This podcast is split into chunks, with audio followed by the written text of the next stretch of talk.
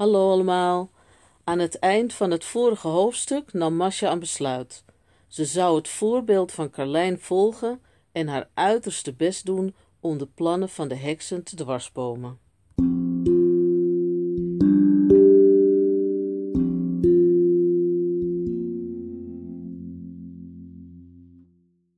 Hoofdstuk 12 De hele ochtend mocht Masha doen waar ze zin in had.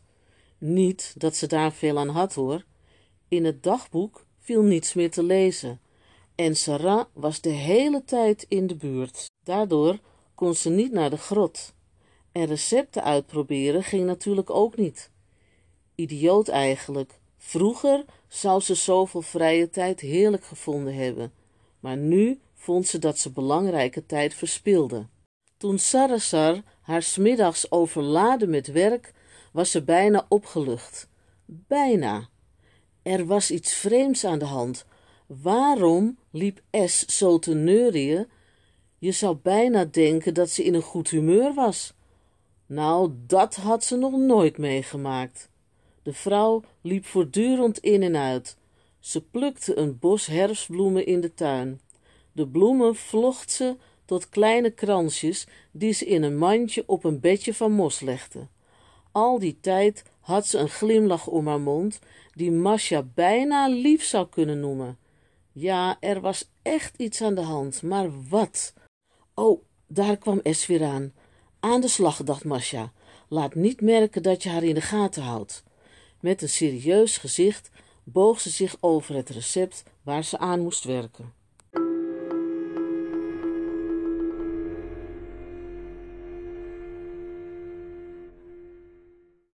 Een kwartiertje later las Masha vol aandacht het recept waar ze mee bezig was. Neem vervolgens drie zaden van de curcubita pepo. Rooster deze kort in een gietijzeren pan. Neem de pan van het vuur en voeg een handje bloemen van de Agastache funiculum toe, liefst vers, in gedroogde vorm minder effectief. In dat geval de hoeveelheid verdubbelen. Meng het geheel tot een papje met een eetlepel sap van de Reum rabarberum. Masha draaide zich om naar het aanrecht om een pollepel te pakken. Het volgende moment sprong ze bijna uit haar vel van schrik.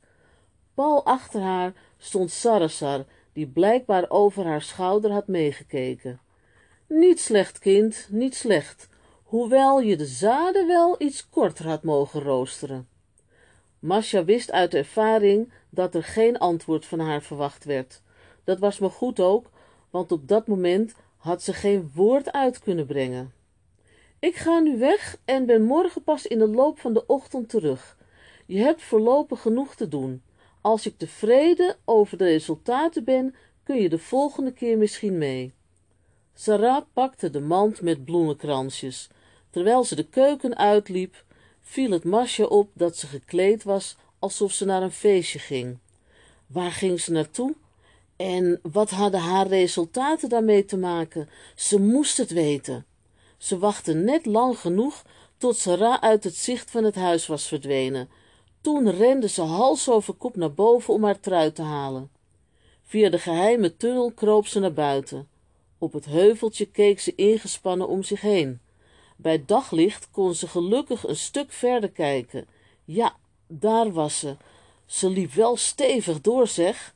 Nog even bleef ze staan kijken, maar toen zette ze de achtervolging in. In het begin belemmerden de struiken haar de weg, maar toen ze eenmaal het pad bereikte, ging het een stuk makkelijker. Ze moest alleen wel zorgen dat de afstand groot genoeg bleef. Gelukkig zaten er bijna geen bochten in het pad, zodat ze Sarah goed in de gaten kon houden. Hè? Wat was dat? Verbaasd keek ze naar het lege pad voor zich. Gebukt rende Masha langs de bomen. Ze begreep er niets van. Het ene moment had ze Sarah duidelijk voor zich uit zien lopen. Even later stapte die opzij bij een boom en was nergens meer te vinden. Bij welke boom was het nou geweest? Ze had echt geen idee. Wat moest ze doen? Terug naar huis? Echt niet. Dan maar op de gok ergens het pad verlaten. Het leek wel alsof alles hier veel dichter op elkaar groeide. Met ingehouden adem baande Masja zich een weg door het kreupelhout. Wat kraakte dat verschrikkelijk! Of leek het alleen maar zo, omdat het bos verder zo stil was? Dat viel haar nu pas op. Geen getjirp, geen gezoem of gefluit was er te horen. Zelfs geen geritsel van takken of blaadjes in de wind. Voorzichtig liet ze haar adem ontsnappen. Gewoon doorademen. Als ze maar zachtjes deed, dan maakte het niet uit. Ze bleef een moment stilstaan. Hoorde ze daar toch niet wat? Nee, helemaal niets. Stapje voor stapje vervolgde ze haar weg. Masja veegde de zweetdruppels van haar voorhoofd. Kon ze haar trui maar uitdoen. Maar in de beginnende schemering zou het lichte grijs van haar jurk te veel opvallen. Vooruit maar weer. Op de een of andere manier wist ze gewoon dat ze de goede kant uit ging. Het was net of er iets aan haar trok. Als ze naar links of rechts draaide, verdween het gevoel. Alleen was het net of de bomen en struiken steeds dichter naar haar toe kropen. Probeerde die haar een andere kant op te dwingen? En was dat dan om haar te dwarsbomen of juist om haar te helpen? Masja schudde eens met haar hoofd. Wat een idiote gedachte. Bomen met geheimzinnige bedoelingen. Het moest niet gekker worden. Vastberaden bleef ze zich door de begroeiing worstelen. Langzamerhand werd de lucht steeds donkerder, maar toch leek het of er voor haar uit een lichte plek in het bos was. Voorzichtig nu. Sarah zou beslist niet blij zijn als ze merkte dat Masja haar volgde. Stukje bij beetje kroop ze naar voren.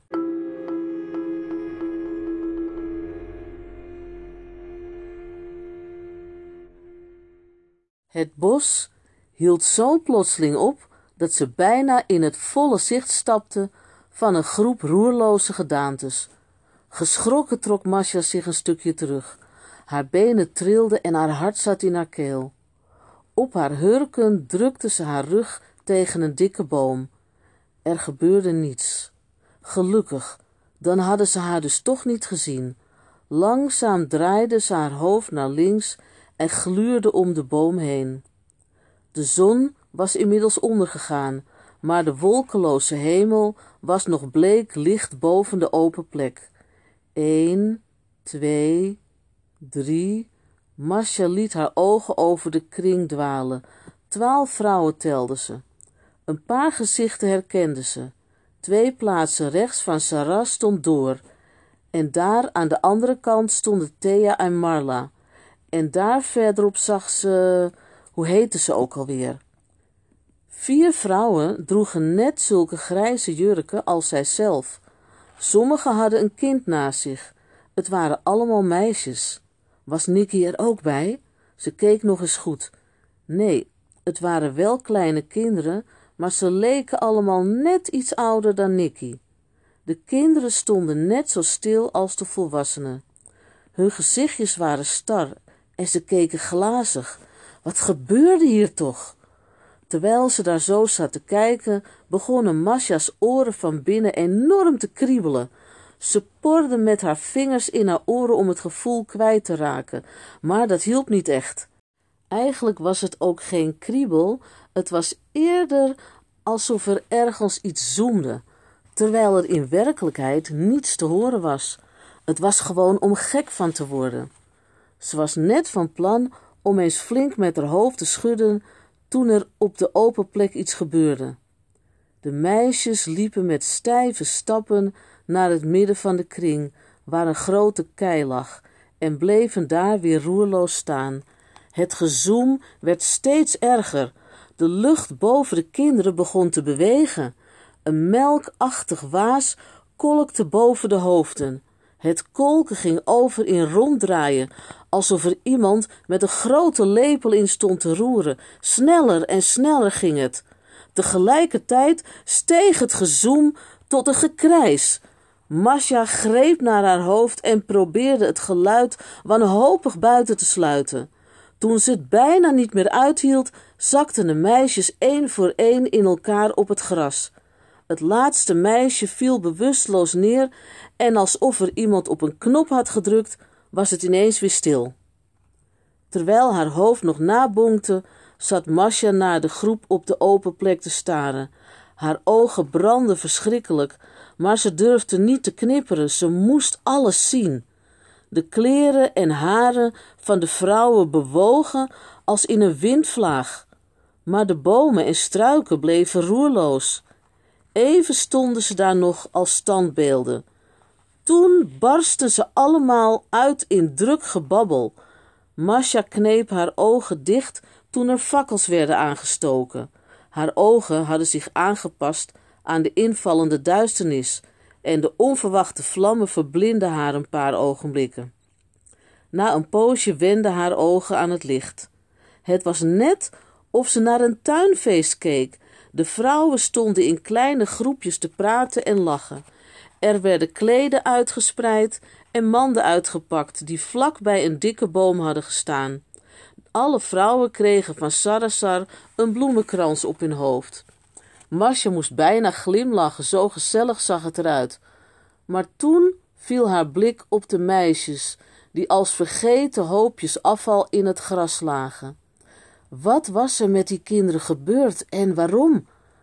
De vrouwen waren er duidelijk niet in geïnteresseerd. Masja huiverde. Sarasar zat wat apart van de rest van de groep en bekeek alles met een koud lachje.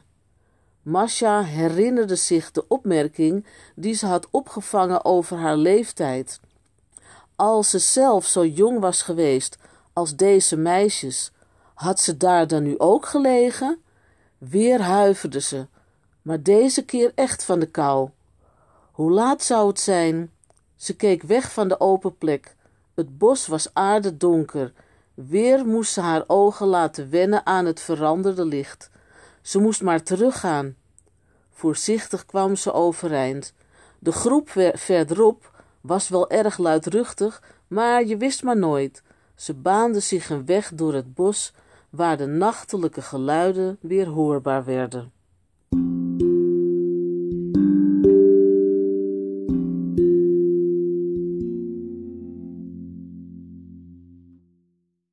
Hoofdstuk 13 Daar doemde in de duisternis het pad gelukkig weer op. Nog helemaal in de war van wat ze gezien had, liet Masja zich tegen een gladde stam omlaag zakken. Nu ze veilig uit de buurt was, kon ze best even uitrusten. Ze leunde met haar hoofd tegen de boom en sloot haar ogen. De geuren van het herfstbos inademend kwam ze langzaam tot rust. Alleen het geluid van naderende stemmen zorgde ervoor dat ze niet in slaap viel. Ze verwachtte al lang geen normale wandelaars meer in deze omgeving. Ze kroop dus wat dieper in de schaduwen en wachtte af. De vier grijsjurken, zoals zij ze in gedachten noemde, kwamen haar kant op. Elk van hen had een kind aan de hand. Dichterbij gekomen bleek de laatste er twee bij zich te hebben. De meisjes liepen als slaapwandelaars mee, en de vrouwen schonken hen totaal geen aandacht. Gezellig met elkaar babbelend liepen ze daar alsof ze een wandelingetje in het park maakten. En Nora, hoe vond je het? Oh, ik kan er bijna geen woorden voor vinden. Het gevoel dat er door me heen ging toen hun levenskrachten opstegen. Is het altijd zo? Nou, normaal gesproken. Jenna, denk je niet dat het te vroeg is om. Ach, kom nou, Riek. Ook al begint ze nog maar net, voorlopig zijn we allemaal zevende graads.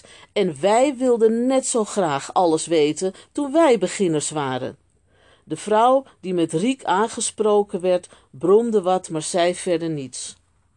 Op het moment dat het stel Masja een meter of wat voorbij was, kwam ze uit haar schuilplaats tevoorschijn. Zonder er verder over na te denken, volgde ze de groep. Intussen vervolgde Jenna haar verhaal. Een paar jaar geleden hadden we er nog drie. Als je eens wist hoeveel verschil één zo'n kind meer of minder uit kan maken. Vroeger konden we elke maand een ceremonie houden. En kijk maar eens hoeveel ouder Doriande er tegenwoordig uitziet. Jenna! Nou, het is toch zeker zo? In ieder geval is het zonde dat het kind van Sarasar te oud bleek te zijn. Masja's hart gaf een roffel tegen haar ribben. Ze hadden het over haar. Te oud? Hoezo dan? klonk de gretige stem van Nora. Het is het beste als ze tussen de zes en acht jaar oud zijn. Dan leveren ze het meeste op. Masja werd er misselijk van. Hoe konden ze zo over die kinderen praten? Vanaf hun tiende heb je kans dat ze juist onze krachten wegzuigen.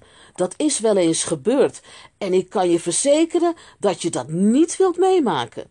In ieder geval kun je het beter uit je hoofd laten zodra ze beginnen te puberen. Zoals die van Sarasar. Precies. Maar Sarasar wilde haar niet wegdoen.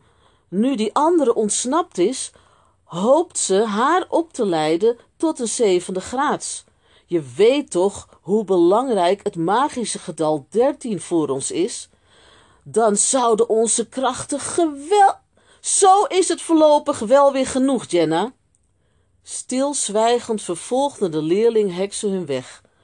Plotseling drong het tot Masja door dat de omgeving wel erg bekend was. Waren ze niet in de buurt van Dorianders huis? Inderdaad, daar was het. Ze liepen de zo bekende deur echter voorbij. Rechts van het huis liep een smal paadje dat haar nog niet eerder opgevallen was. Ze volgden het om het huis heen. Aan de achterzijde verdwenen de vrouwen tussen de struiken. Masja verborg zich in de tuin. Na een poosje kwamen de vrouwen weer tevoorschijn. Uit hun gebabbel bleek dat ze teruggingen naar het feest in het bos. Zodra het geluid van hun stemmen weggestorven was, ging Masja een kijkje nemen tussen de struiken. Een luik! En niet eens met een slot erop. Er zat alleen maar een simpele grendel voor. Soms moest je gewoon geluk hebben. Ze schoof de grendel opzij en tilde het luik op. De ondergrondse ruimte werd zwak verlicht door een kale gloeilamp. Langs de wanden lagen matrassen op de grond. Op vijf daarvan lagen de kinderen die ze daar net nog aan de hand van de grijsjurken had zien lopen. Pst, hé, hey, zijn jullie wakker? Geen antwoord, dan maar naar binnen. Eén voor één schudden ze de meisjes bij de schouders heen en weer. Toe, word eens wakker, anders ben ik helemaal voor niets gekomen. Dit was om gek van te worden. Ze kon moeilijk met een stel bewusteloze kinderen gaan rondslepen. Maar wat dan als ze wel wakker waren, waren geweest? Ja, dat wist ze eigenlijk ook niet precies. Tegen haar zin verliet ze de kelder met de slapende meisjes. Zorgvuldig liet ze het luik op zijn plaats zakken en schoof de grendel er weer voor. Nu moest ze eerst zorgen dat ze thuis kwam. Hoe laat zou het zijn? In ieder geval had ze de rest van de avond en zelfs wel misschien wel de nacht nodig om haar opdrachten voor Sarasar af te maken. En als ze een beetje opschoot, kon ze ook nog aan haar eigen project werken. Dat was nu belangrijker dan ooit. Blijkbaar ging het niet meer alleen om Carlijn, Nicky en haarzelf. Ineens was ze ook nog verantwoordelijk voor vijf onbekende meisjes. Als ze die kinderen niet zou helpen, wachtte hen waarschijnlijk een vreselijk lot. In gedachten hoorde ze Jenna nog het woord wegdoen gebruiken. Wat hij precies bedoeld had, wist ze niet, maar ze wilde er zeker niet achter komen.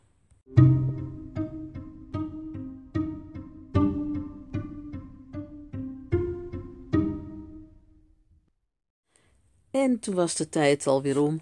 Vinden jullie het ook zo spannend worden? Gelukkig hoef je maar een paar dagen geduld te hebben om te horen hoe het verder gaat. Tot de volgende keer. Doei doei.